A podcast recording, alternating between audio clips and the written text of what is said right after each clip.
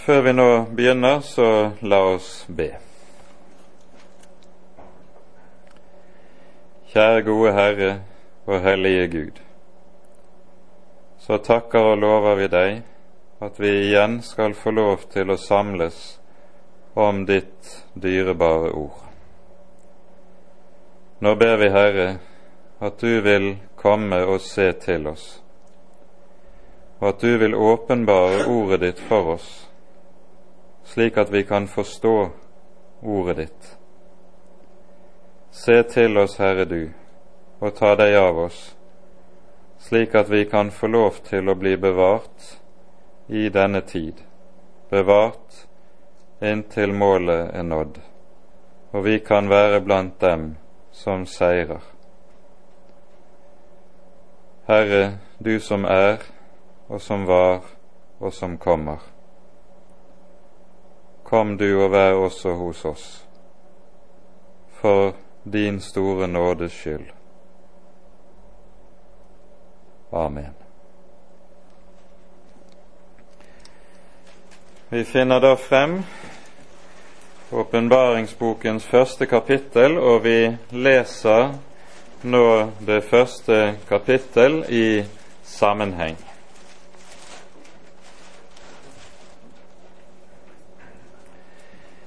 Jesu Kristi åpenbaring, som Gud ga ham for at han skulle vise sine tjenere det som snart skal skje. Og han sendte bud ved sin engel og kunngjorde det i tegn for sin tjener Johannes, som har vitnet om Guds ord og Jesu Kristi vitnesbyrd, alt det han så. Salig er den som leser, og de som hører det profetiske ord, og tar vare på det som er skrevet der, for tiden er nær. Johannes til de syv menigheter i Asia. Nåde være med dere, og fred fra ham som er, og som var, og som kommer fra de syv ånder som er for hans trone, og fra Jesus Kristus, det troverdige vitne, den førstefødte blant de døde og Herre over kongene på jorden. Han som elsket oss og har fridd oss fra våre synder med sitt blod, og som har gjort oss til et kongerike, til prester for Gud og sin Fader. Ham tilhører æren og styrken i all evighet. Amen. Se, han kommer med skyene, og hvert øye skal se ham, også de som har gjennomstunget ham, og alle jordens slekter skal gråte sårt over ham. Ja, Amen. Jeg er alfa og omega, sier Gud Herren, Han som er og som var og som kommer, den allmektige. Jeg, Johannes, som er deres bror, og har del med dere i trengselen og riket og tålmodigheten i Jesus jeg var på den ø som kalles Patmos for Guds ord og Jesu vitnesbyrds skyld. Jeg var bortrykket i ånden på Herrens dag, og jeg hørte bak meg en høy røst, som av en basun, som sa:" Det du ser, skriv det i en bok, og send den til de syv menigheter, til Efesos, og til Smyrna og til Pergamum og til Tyatira og til Sardes og til Filadelfia og til Laudikea. Og jeg vendte meg om for å se røsten som talte med meg. Og da jeg vendte meg, så jeg syv lysestaker av gull, og midt imellom lysestakene en som lignet en menneskesønn kledd i en fotsid kjortel, ombundet under brystet med et belte av gull, og hans hode og hår var hvitt som hvit ull, som sne, og hans øyne som ildslue, og hans føtter var lik skinnende kobber, som om de var gjort glødende i en ovn, og hans røst som en lyd av mange vann. Og i sin høyre hånd hadde han syv stjerner, og av hans munn gikk det ut et tveegget, skarpt sverd, og hans åsyn var som solen når den skinner i sin kraft.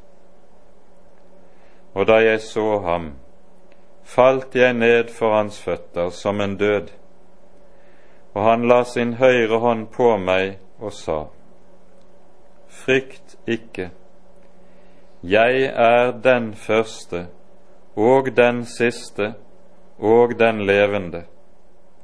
Og jeg var død, og se, jeg er levende i all evighet. Og jeg har nøklene til døden og til dødsriket. Skriv da det du så, både det som er, og det som heretter skal skje hemmeligheten med de syv stjerner som du så i min høyre hånd, og de syv gullyse staker. De syv stjerner er engler for de syv menigheter, og de syv lysestaker er syv menigheter. Amen.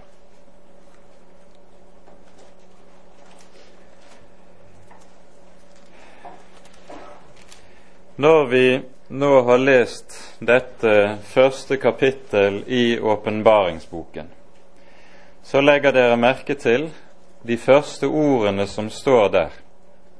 Boken kalles Jesu Kristi åpenbaring, altså ikke Johannes' åpenbaring. Når den har fått tittelen eller overskriften hos oss, Johannes' åpenbaring, så er jo det fordi Johannes, apostelen, var den som ble betrodd å føre i pennen denne åpenbaring. Men det er altså egentlig Jesu Kristi åpenbaring. Og i dette ligger det en overordentlig dybde som vi ikke så fort skal bli ferdig med. For dette uttrykket det betyr ikke bare en åpenbaring som Jesus Kristus gir, men det er like mye en åpenbaring av Jesus Kristus, slik at Gud ved dette åpenbarer sin egen sønn for oss med en dybde som vi knapt aner rekkevidden av, og en dybde som langt går utover det vi finner i de øvrige av Bibelens bøker. Vi skal komme tilbake til det. Selve åpenbaringsboken den er altså ført i pennen av apostelen Johannes. Og Det har i grunnen aldri kunnet betviles særlig seriøst akkurat det. Kirkefedrene er samstemmige i sin bevitnelse av boken. Apostelen Johannes var forvist under en forfølgelsesperiode som begynte under keiser Domitian rundt år 90. Keiser Domitian døde i år 96, og forfølgelsen under ham var den første kristenforfølgelse som omfattet troende i hele Romerriket. Den forfølgelsen som vi hører om tidligere under keiser Nero, den rammet kun kristne som var bosatt i byen Roma. Men under Domitian er det altså vi får den første allmenne kristenforfølgelse. Denne ytret seg forskjellig i ulike deler av Romerriket. Mange steder måtte de kristne late livet under denne forfølgelsen. Andre steder var det begrenset til tortur, det å bli berøvet all eiendom, eller som vi hører her om Johannes, landsforvisning. De siste årene av apostelen Johannes' liv var han nemlig eh, bosatt i byen Efesos, som var den viktigste byen, ikke bare rent politisk, men også kristelig sett i Lille Asia. I Efesos hadde jo Paulus oppholdt seg i over to år og hatt en meget rik virksomhet i denne byen. Og Menigheten i Efesus var også blitt en særlig stor og virkekraftig menighet.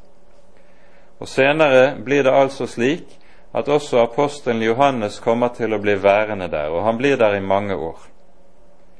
Etter at Domitian dør, så vender Johannes tilbake til Efesos og blir der enda noen år før han dør en naturlig død.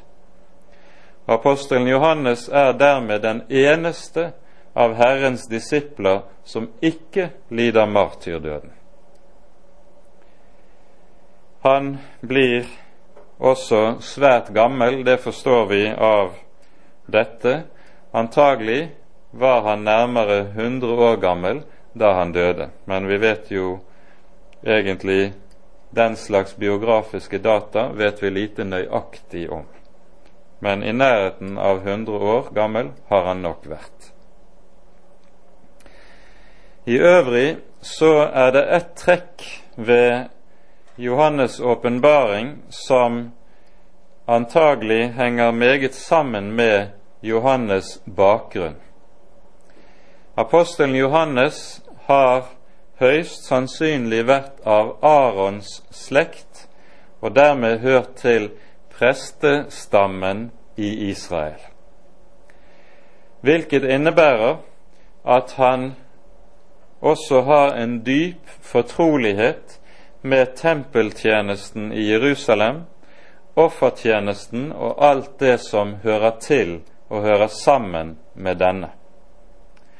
Og nettopp dette trekket er særdeles viktig når vi leser Johannes' åpenbaring. For det er vel knapt et eneste kapittel i åpenbaringsboken som ikke på en eller annen måte er knyttet nettopp til de forbilder som er gitt i og med tempeltjenesten i Jerusalem. Allerede her i det første kapittelet får vi se noe av det.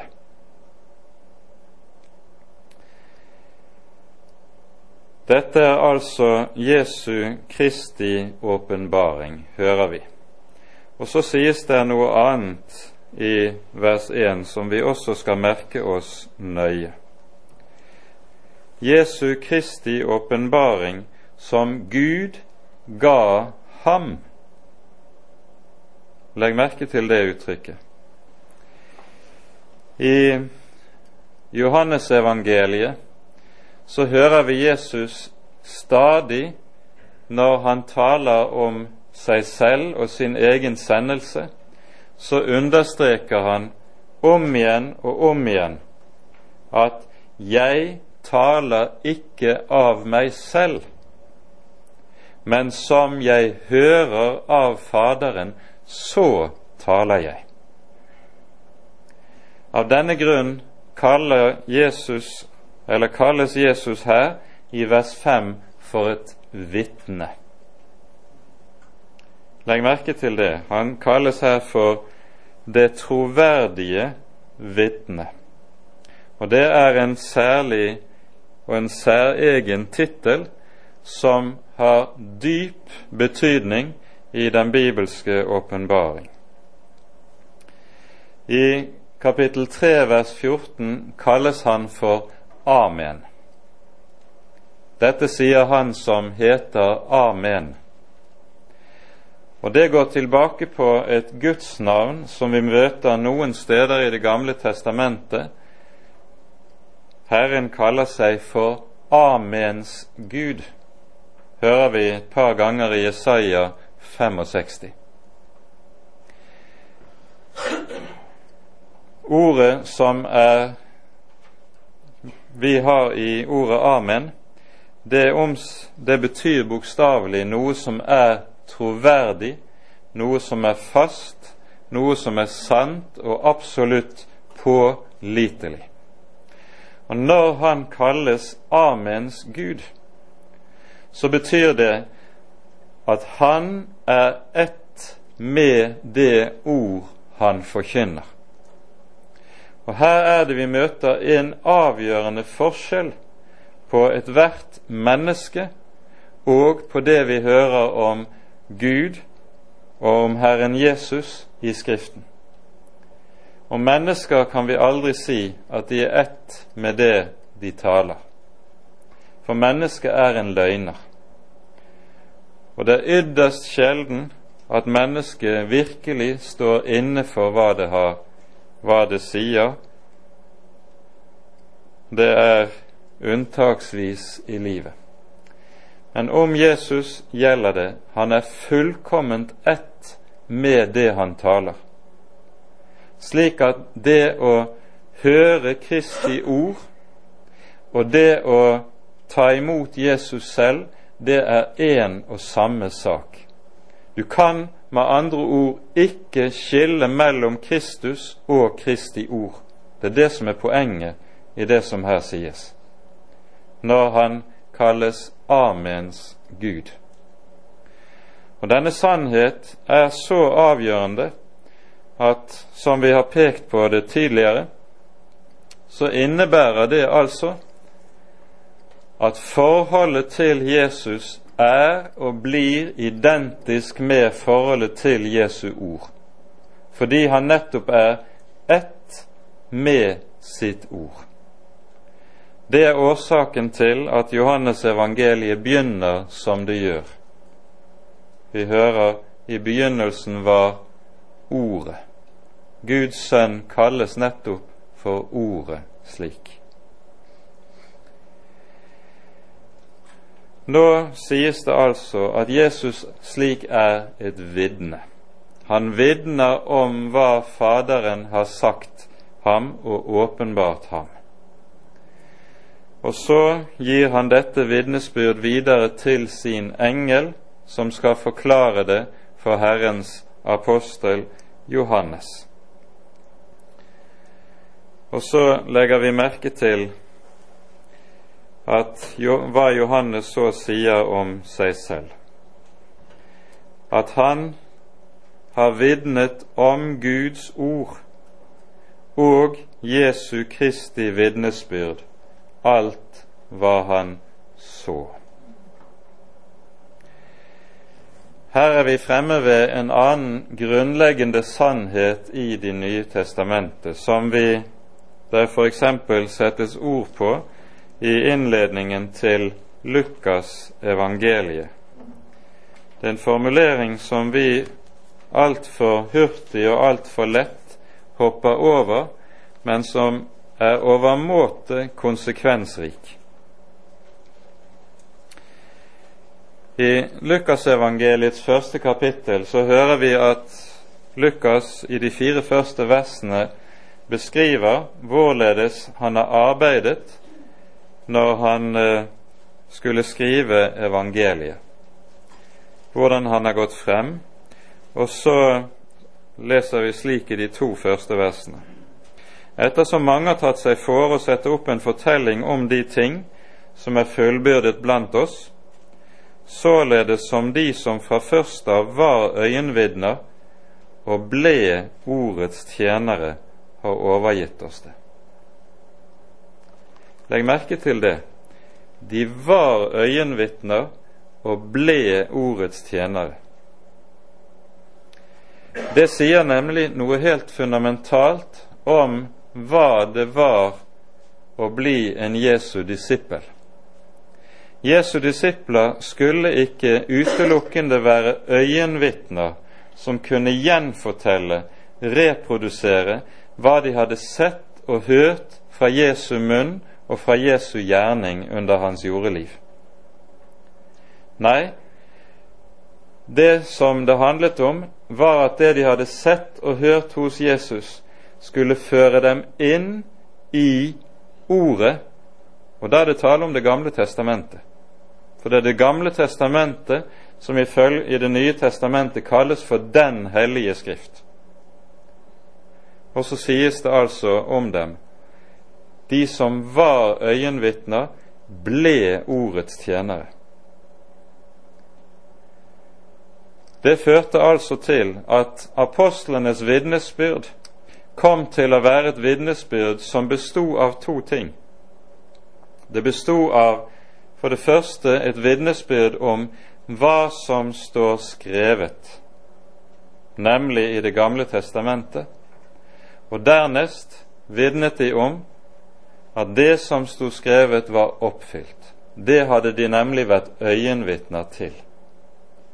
Og så blir vitnesbyrdet deres et vitnesbyrd om at ordet oppfylles, og dermed om at Gud er en Gud som står ved sitt ord. De var øyenvitner og ble ordets tjenere. Vi skal merke oss den måten å uttrykke seg på, og det er det som ligger i det Johannes her sier. Og Dermed har vi pekt på en annen forbindelse som er helt grunnleggende dersom vi overhodet skal forstå åpenbaringsboken. For de fleste er det jo slik at leser en gjennom åpenbaringsboken i sammenheng, så blir en stående overfor symboler, bilder, talemåter som virker ubegripelige, og som virker skremmende.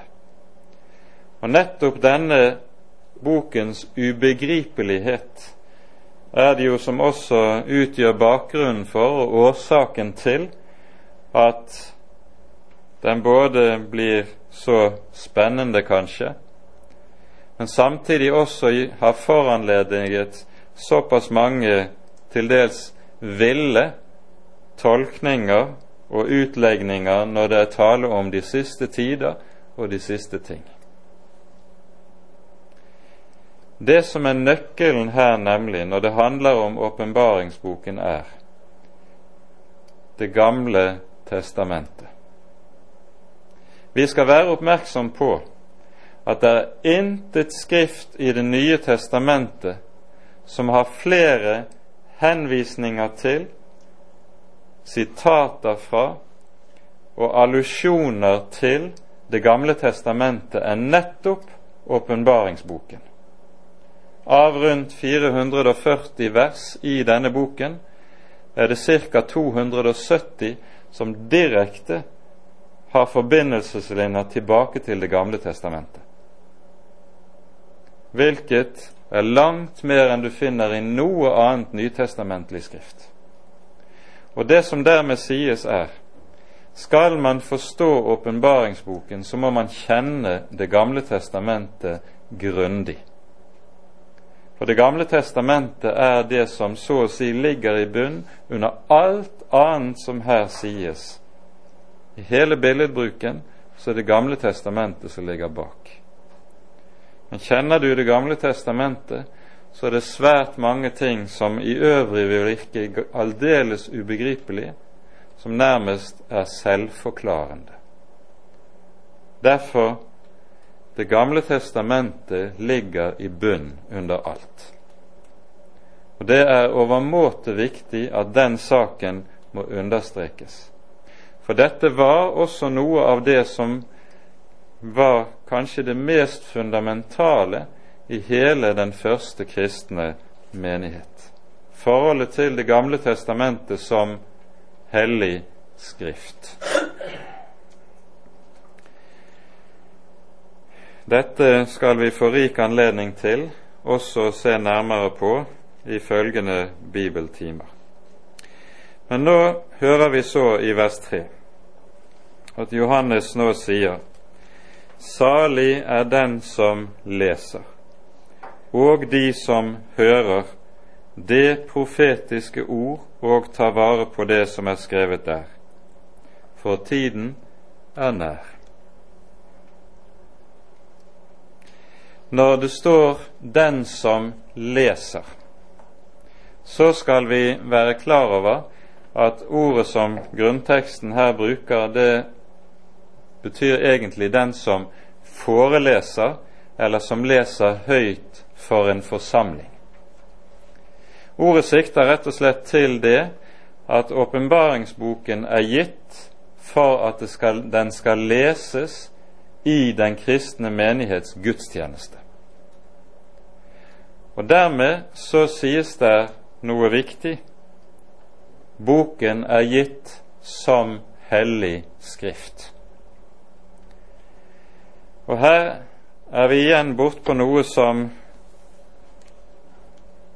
så å si går imot det som vi ofte er vant til å tenke og ikke så sjelden få høre. Hvordan er noe blitt hellig skrift? Jo, kan man få høre det?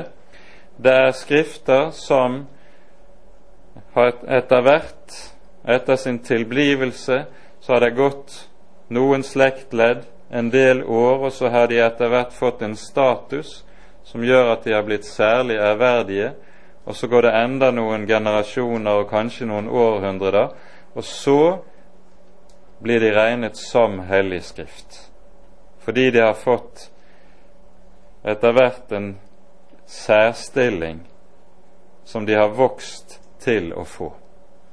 Slik er det ikke her. Her er poenget det at denne bok er blitt til som hellig skrift fra begynnelsen av. Og Derfor lyder det om igjen og om igjen, både her i kapittel 1 og utover i boken, så lyder det en guddommelig befaling skriv. Skriv. Hellig Skrift, det er også et helt sentralt begrep i Guds folks liv. For det sikter ikke bare til at vi har fått en bok som vi skal akte som en hellig bok. Det er den. Men det sikter til en ordning som Gud har innsatt i sitt folks liv, slik at Guds folk og begrepet Hellig Skrift er noe som hører uløselig sammen.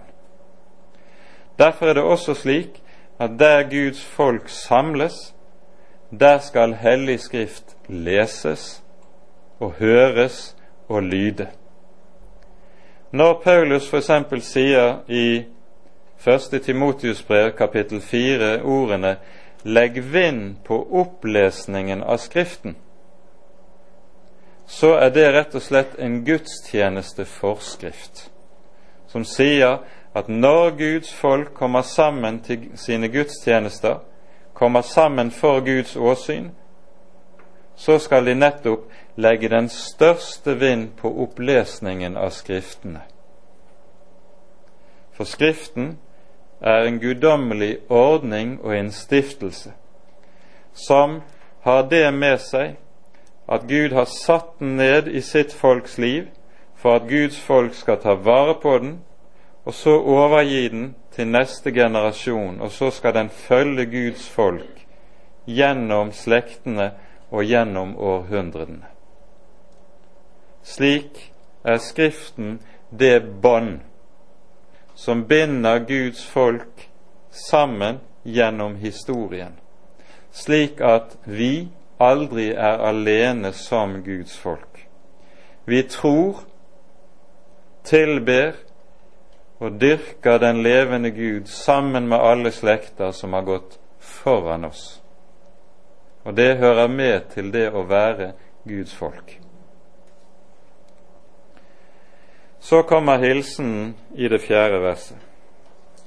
Til de syv menigheter i Asia nåde være med dere og fred fra ham som er, som var og som kommer. Og Dermed er vi fremme ved det som kanskje er åpenbaringsbokens hovedsak Guds navn. Dette navnet, Han som er, Han som var og Han som kommer, det er en utleggelse av det guddommelige navnet. Det navnet som ble kunngjort for Moses ved tårnebusken. Moses spør, Hva er ditt navn? for at jeg kan svare når de spør meg, Hvem har sendt deg? Og så svarer Herren Moses, Jeg er den jeg er. Så skal du si til Israels barn, Jeg er har sendt deg. Dette Guds navn blir i Det gamle testamentet skrevet ved hjelp av fire konsonanter, J, H, V, H, og er et ordspill over det hebraiske verbet for å være. Og i disse fire konsonantene, i dette ordspillet, ligger nettopp det som her sies om Gud. Gud er den som er, den som var og den som kommer. Det er det som ligger i selve Guds navn. I det åttende verset sier Herren om seg selv, Jeg er alfa og omega, som er den første og den siste bokstaven i det greske alfabet. Med det sies det altså Han er begynnelsen og enden. Hva sies med det? Med det pekes det på noe som er, også er helt fundamentalt i åpenbaringsboken. Begynnelsen og enden hører sammen. Det er et uhyre viktig trekk ved åpenbaringsboken at det vi hører på Bibelens første blad, om skapelsen, om paradiset, om den første menneskehet i begynnelsen, det henger uløselig sammen med det som vi møter igjen ved historiens avslutning. Og dere vil se, når vi kommer til åpenbaringen 21 og 22, så er det direkte forbindelseslinjer tilbake til Første Mosebok 2 og 1. De er uløselig knyttet sammen. Gud er begynnelsen og enden. I det ligger det at disse to saker, begynnelsen og enden, også hører sammen. Og når Gud kaller seg selv Han som er, og som var, og som kommer, så innebærer det noe helt fundamentalt når det gjelder forholdet til hvordan vi som kristne skal se på den tid vi lever i. Den tid vi lever i, den hører uløselig sammen med det som var, og det som kommer. Like som Gud er den som er, som var og som kommer. Det er nemlig slik at vi kan aldri rett forstå og ha et rett perspektiv på tiden uten at dette perspektiv, begynnelsen og enden, står der. Av denne grunn, f.eks., er den historieløshet som råder i store deler av dagens kristenhet, noe av det som må sies å være et av de største hindrene både for å forstå den tid som vi selv lever i, og til å forstå det som kommer, like som det som ligger bak. For dette hører uløselig sammen. Den som ikke kjenner det som var, den som ikke kjenner Den hellige Skrift, og den hellige historie med det. Han forstår heller ikke sin egen tid, og han er dermed også ute av stand til å gripe og forstå det som kommer. Og det, det er dette som antydes i perspektivet som gis oss her. Gud er den som er, og som var, og som kommer. Og det å være Guds folk, det er å leve så å si midt under det perspektivet. Det er det som ligger bak når Paulus i Efeserbrevet f.eks. sier i det tredje kapittel at de troende skal lære å kjenne høyden og dybden og lengden og bredden. Lengden og bredden handler om det som var og det som kommer. Høyden og dybden skjønner vi, det handler om perspektivet oppad til Han som troner i det høye og det hellige, og dybden ned til oss som bor i dypet, i det lave. Slik er det også at trådene i Bibelen er slik at de alltid går bakover og fremover. Det finnes intet i Den hellige Skrift som kan forstås kun i lys av seg selv. Alt kan utelukkende forstås i lys av det som var og som kommer. Alt henger sammen. Og dette er helt avgjørende, også med tanke på arbeidet med åpenbaringsboken. Derfor skal vi legge merke til, når vi hører denne boken kalles for Jesu Kristi åpenbaring, så er det åpenbaringen altså av Han som er og som var og som kommer, og som dermed er historiens herre fra begynnelsen og inntil enden. Dette er noe av det, og vi kommer også tilbake til disse ting. I vers 4 og vers 5 møter vi nå den treenige Gud. Faderen er den som her kaller seg Han som er, var og kommer. Og så hører vi et underlig navn på Den hellige ånd de syv ånder som er for Hans trone. Den hellige ånd kalles en rekke steder i åpenbaringsboken rett og slett for de syv Guds ånder.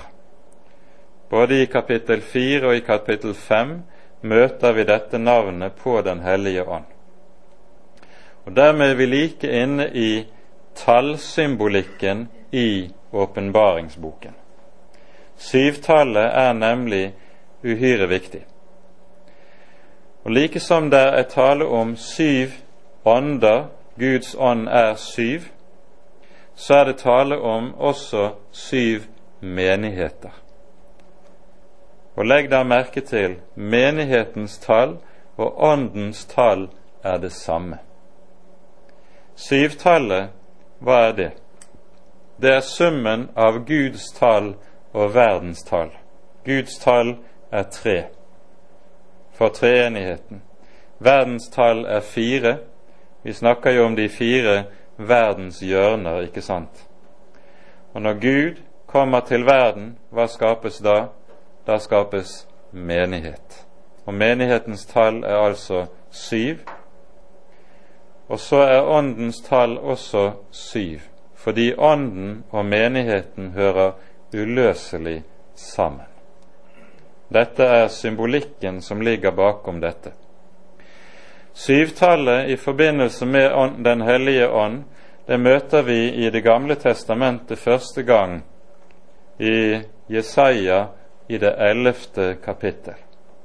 Der det taler om Messias åndsutrustning. Og da er det nettopp de syv Guds ånder som han er utrustet med.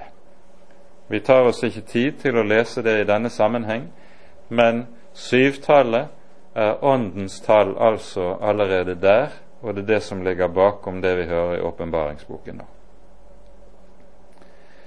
Så hører vi Jesus omtales slik. Jesus Kristus, det troverdige vidne. Han er Amen. Den førstefødte blant de døde, Herre over kongene på jorden. Han som elsket oss og har fridd oss fra våre synder med sitt blod. Vi skal legge merke til at i dette verset så møter vi Kristus i hans tre embeder. Fra gammelt av så har man jo talt om at Messias nettopp har tre embeder. Han er profeten, han er kongen, og han er øverstepresten. Og disse tre embeder har han i tråd med at det var nettopp til disse tre gjerninger en ble salvet ifølge Det gamle testamentet. Profeten ble salvet, kongen ble salvet, øverstepresten ble salvet. Og Når Jesus nå kalles det troverdige vitne, så er det hans profetiske embete som betegnes. Når det taler om at han er den førstefødte av de døde, herre over kongene på jorden, så er det hans kongelige embete som understrekes. Og når det taler om at han elsker oss og har fridd oss fra våre synder med sitt blod, så er det som øverste prest han males for våre øyne. Og disse tre Kristi embeder er det som går igjen også i den skikkelse han åpenbarer seg for Johannes i, som vi hører i senere ut i kapittelet. Når det taler om at det går et sverd ut av hans munn, et tveget sverd, så er det jo nettopp det at han er den som er vitne, den som forkynner og gir Guds ord, altså det profetiske embetet som betegnes. Når bena av glødende metall males for våre øyne, ansiktet som stråler som solen og øyne som ildslue, så er det hans kongelige embete som betegnes. Det er hans veldige makt som ingen kan stå seg imot. Og når han tegnes med belte om brystet som er av gull, så er det hans øverste prestlige embete. For hvorfor står det nemlig at han har belte om brystet og ikke om livet? Det å ha belte om livet eller om lenden, det er jo det som er det normale som en har.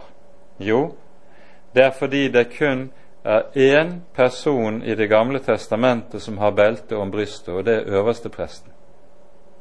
Øversteprestens embetsdrakt bestod nettopp i at han hadde fire ulike plagg som var særegne for ham alene, og et av disse var altså beltet som var om livet.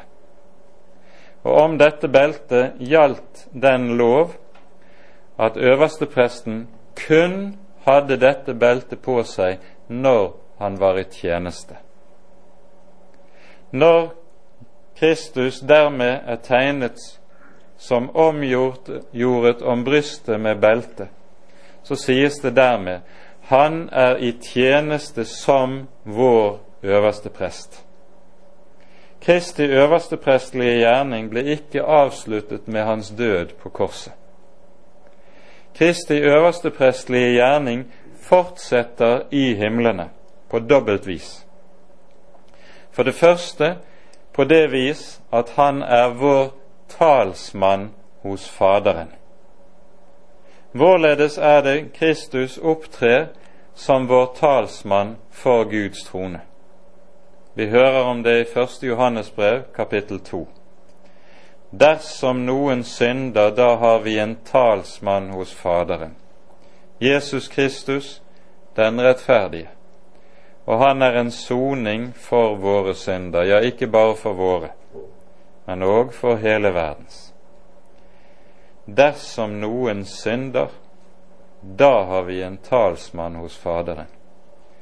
Hvorledes opptrer Jesus som vår talsmann?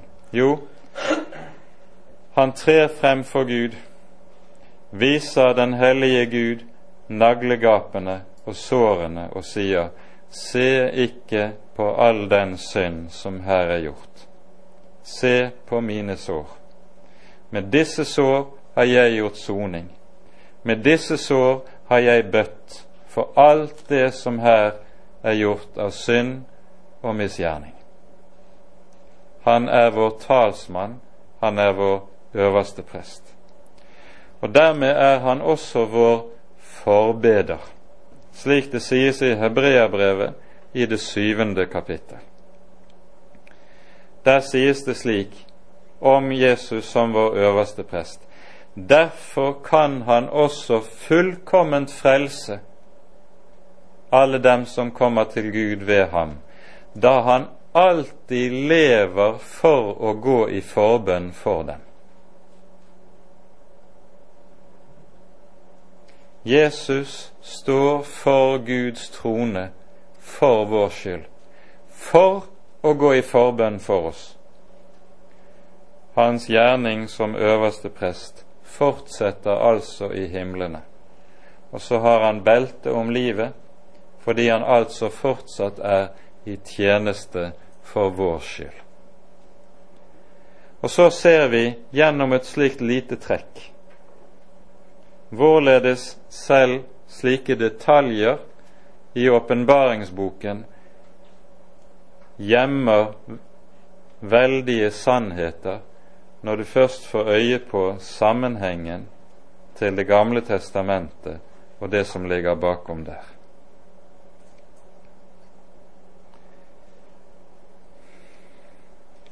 Nå sies det om Herren Jesus. Han har fridd oss fra våre synder med sitt blod. Og så har han gjort noe mer.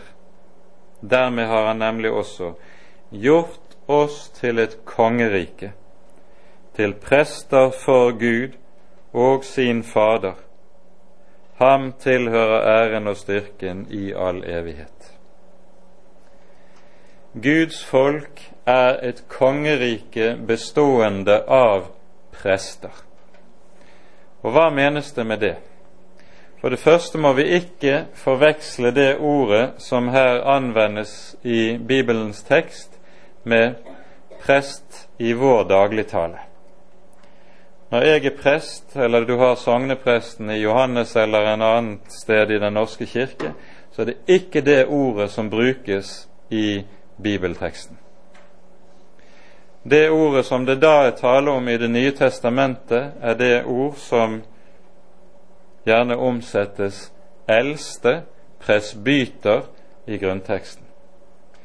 Men når det taler om prest i Bibelen, så er det tale om prest i ordets gammeltestamentlige betydning, nemlig offerprest. Og det er det som ligger i det. Og Hva er det som kjennetegner den som er prest i denne mening av ordet? Først og fremst, slik vi hører det i Mosebøkene, den som er prest, det er den som har rett til å tre frem for Guds ansikt. For den levende Guds ansikt kan nemlig ikke hvem som helst tre frem. Moseloven sier uttrykkelig dersom en fremmed kommer nær til, altså prøver å tre inn i helligdommen, da skal han dø. Den som ikke er prest, har ikke adgang inn i helligdommen. Det å være prest, det består altså å ha fått rett til å tre inn i helligdommen og dermed tre inn for den levende og hellige Guds ansikt. Det er dette Bibelen betegner for oss, slik som vi eksempelvis hører om det i også i Hebreabrevet i det tiende kapittel.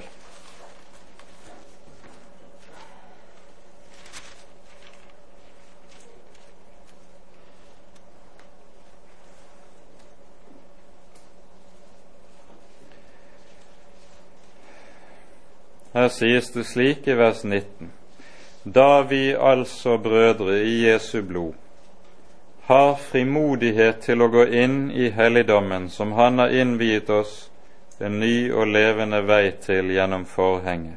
Det er Hans kjød. Og da vi har en stor prest over Guds hus, så la oss tre frem. Guds folk er det folk som har fått en usigelig forrett. De har rett til å tre inn for Guds ansikt. Samme sak hører vi oss om også i det fjerde kapittelet i Hebreabrevet.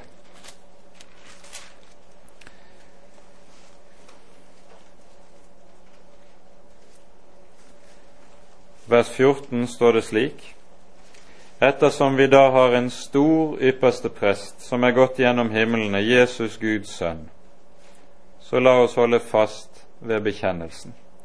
Så hopper vi over vers 15, og så leser vers 16. La oss derfor med frimodighet tre frem for nådens trone, for at vi kan få miskunn og finne nåde til hjelp i rette tid. Guds folk er det folk som er et folk som består av prester for Gud. De som har fått rett til å tre inn i helligdommen, og som altså ikke behøver å være redd Gud. De skal få tre frem med frimodighet. Fordi det er en annen som har gått foran og gått i vårt sted. Og fordi Han har banet vei, så kan vi være frimodige. Det er å være det hellige presteskapet, kongeriket av prester for Gud.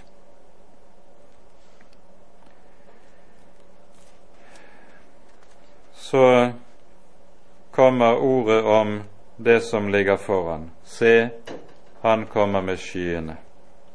Hvert øye skal se ham, også de som har gjennomstunget ham, og alle jordens slekter skal gråte sårt over ham. Her ligger det to grunnleggende ord bak i Det gamle testamentet. Først Daniel 7,13, der vi hører om Daniel som ser inn i himlene, og så står det jeg så en som var lik en menneskesønn som kom med himlenes skyer. Han trådte frem for den gamle av dager, og det ble gitt ham makt, ære og herlighet over alle folkeslag. Han, det er det første stedet som ligger bak. Det andre det er Zakaria 12,10, der Herren taler om Israels omvendelse i den siste tid, og det står Jeg vil utgi den nådens ånd og bønnens ånd over Judas hus og Jerusalems innbyggere, og de skal se opp til meg som de har gjennomstunget, og de skal gråte sårt over ham, som en gråter over sin førstefødte. Altså Guds folk skal med anger og forferdelse erkjenne sin egen synd, utroskap og forherdelse mot Herren, og så skal de vende om. Men når dette ordet tas inn i denne sammenheng, så er det tale om at også alle folkeslag under himmelen skal se ham, og de skal klage høylytt, står det egentlig i grunnteksten. For det skal komme en dag der det er for sent, slik som Skriften taler om det ellers. Før vi nå setter punktum, så skal vi ganske kort se på det som står i vers 9. For det er også et overmåte viktig vers. Jeg, Johannes, som er deres bror, har del med dere i trengselen, i riket og tålmodigheten i Jesus. Jeg var på den øy som kalles Patmos, for Guds ords og Jesu vitnesbyrds skyld. Legg merke til disse tre ordene som her brukes. Johannes sier 'Jeg har del med dere'. Jeg er deres bror, sier han først. Og så sier han dermed også 'Jeg har del med dere' i trengselen, i riket og i tålmodigheten. Ordet som her er omsatt med tålmodighet, skulle kanskje vært omsatt utholdenhet. Det er sterkere, og det er det som ligger i det.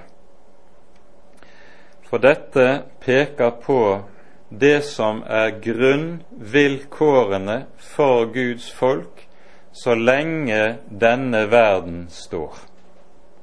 Guds folk er kjennetegnet av disse tre ting trengselen, riket og utholdenheten er det de har del i. Der disse tre ting er, der er Guds folk. Når det for det første sies 'Jeg har del med dere i trengsel', så peker det tilbake på noe som er en grunnsannhet i Det nye testamentet, nemlig at Guds folk er et folk som er under korset. Jesus sier i sin avskjedstale i Johannes 16 disse ordene Dette har jeg talt til dere mens dere er i verden. I verden har dere trengsel. Men vær frimodige, jeg har overvunnet verden. I verden har dere trengsel. Og Paulus sier i apostelgjerningene 14 slik vi må gå inn i Guds rike gjennom mange trengsler. Det er grunnvilkåret i Guds folks liv her i tiden. Guds folk er det folk som er under korset. Og Derfor sier Paulus i Filippabrevet i det tredje kapittel at det å høre Jesus til, det er å ha del med Jesus i hans lidelser.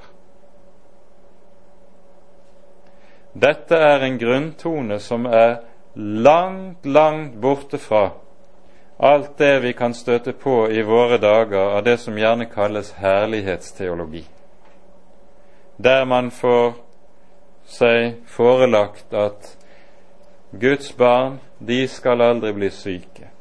De skal oppleve medgang. De skal ikke ha økonomiske problemer, osv., osv. Dette er dypt usant. For Guds folk har alltid hatt ett bestemt kjennetegn. Det er et folk som er under korset. Der korset ikke er, der er ikke Guds folk. Så grunnleggende er dette. Der det bare er herlighet og medgang og vidunderlige følelser og alt slikt, der er ikke Guds folk. For Guds folk er kjennetegnet av det at slik Kristus bar korset, slik skal også Guds folk bære korset.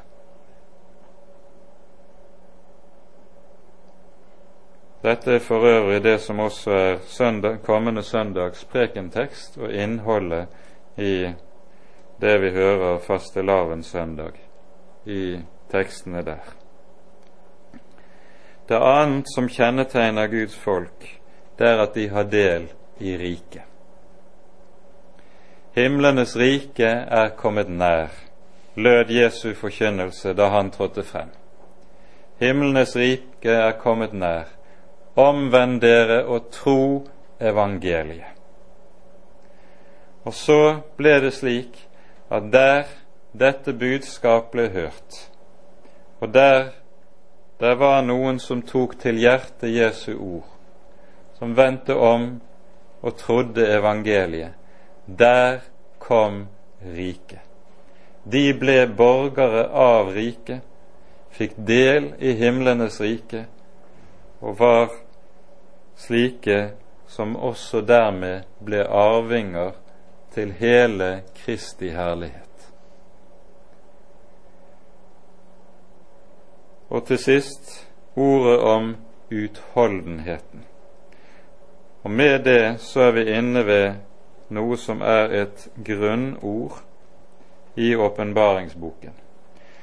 Jeg tror vi med rette kan si at åpenbaringsboken handler om disse tre ordene trengselen, riket og utholdenheten.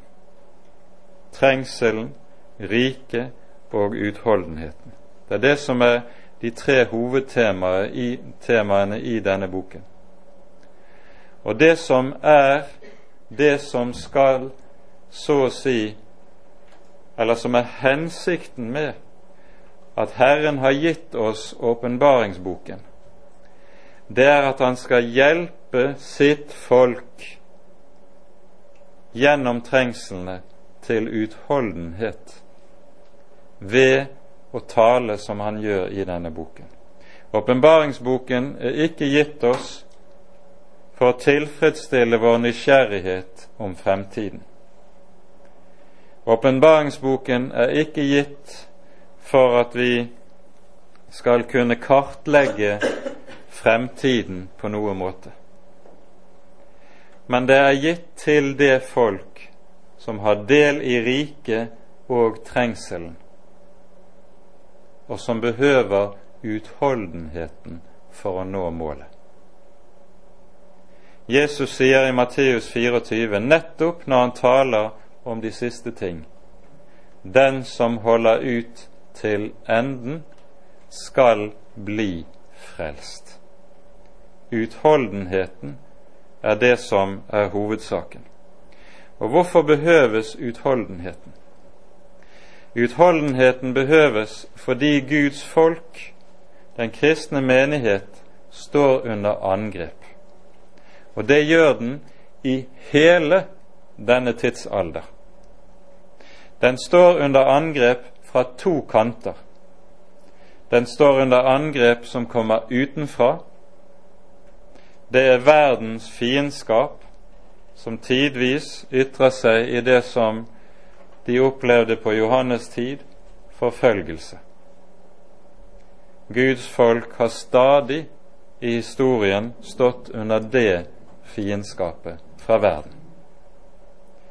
Men så kommer også angrepene på Guds folk innenfra, dvs. Si innenfor den kristne menighet. Og da opptrer angriperen som forføreren.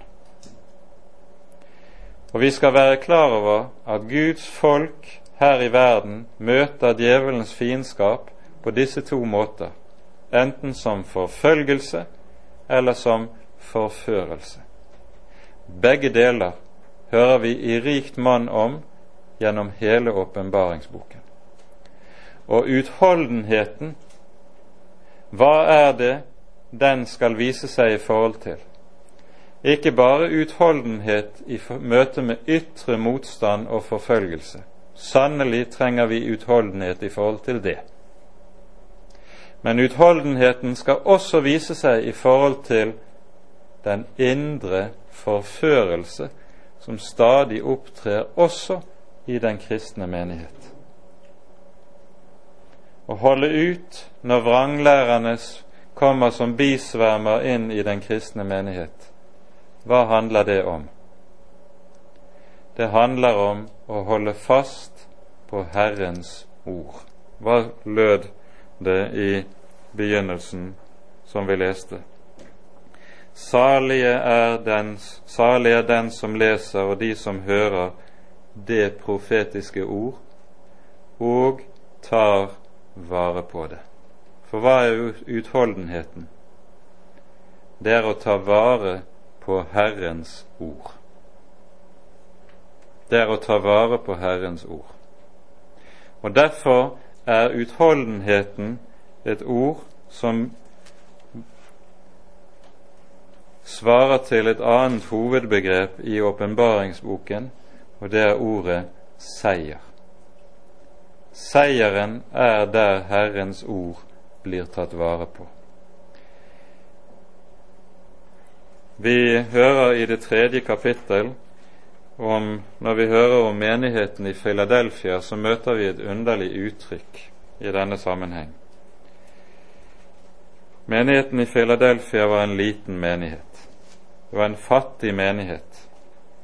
Det var ikke så storartet i denne menigheten på noe vis, men den er den eneste menigheten som får uforbeholden ros av Herren. av de syv menighetene. Og hva sies det om denne menighet? Det sies i vers 10 slik fordi du har tatt vare på mitt ord om utholdenheten, vil jeg fri deg ut fra den prøvelsens stund som kommer over hele jorderiket. Her er det omsatt på en måte som ikke får frem det som egentlig ligger i grunnteksten. For i grunnteksten står det bokstavelig fordi du har tatt vare på ordet om min utholdenhet. Min utholdenhetsord, står det bokstavelig her. Her er det altså ikke bare tale om et ord som sier at vi skal holde ut og ta vare på noe, men det er et ord som taler om Kristi utholdenhet under nød og trengsler. For det en kristen henter næring av i all nød og trengsel, det er nettopp ved å se på Kristus og på Kristi utholdenhet.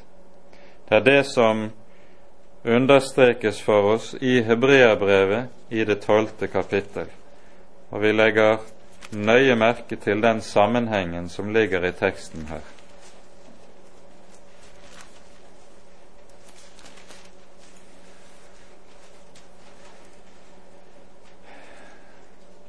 Hebreerne 12 i de tre første versene. La oss med tålmodighet løpe i den kamp som er oss foresatt. I det vi ser på troens opphavsmann og fullender Jesus, han som for den glede som ventet ham, led tålmodig korset uten å akte vanæren og nå sitter på høyre side av Guds trone. Ja, gi akt på ham som tålmodig har lidd en slik motsigelse av syndere, så skal dere ikke gå trett og bli motløse i deres sjeler. Dere har tatt vare på ordet om min utholdenhet, sies det til menigheten i Philadelphia. Og så skjønner vi hva er motmiddelet mot motløshet? Hva er motmiddelet mot å gå trett? Det er Gi akt på ham. Gi akt på ham.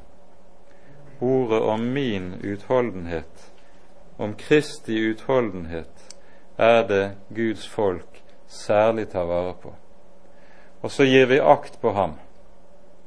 Det betyr en kristen fester målbevisst blikket på Jesus, og så holder det der. Hvorfor gjør jeg det? Fordi Jesus er troens opphavsmann og fullender. Og legg merke til det, han er ikke bare troens opphavsmann, han er også fullenderen. Skal vi nå målet, så hviler det på og henger det på at Jesus er den han er. Han er troens fullender. Det er ikke min utholdenhet og trofasthet som fører meg til målet. Det er Kristi trofasthet. Og så består det å være Guds barn i trengselen, i riket, i utholdenheten. Det består i det på ny og på ny å feste blikket på ham. Han er troens opphavsmann og fullender. Hvorfor er han det? Fordi han er begynnelsen og enden. Han er alfa og omega. Og det han er med tanke på hele historien, begynnelsen og enden, det vil han også være inn i hvert enkelt kristen menneskes liv. Din og min begynnelse og ende. Lengre rekker vi ikke i dag og så får vi grunne videre på tekstene utover våren. Ære være Faderen og Sønnen og Den hellige ånd, som var og er og være skal en sann Gud, høylovet i evighet. Amen.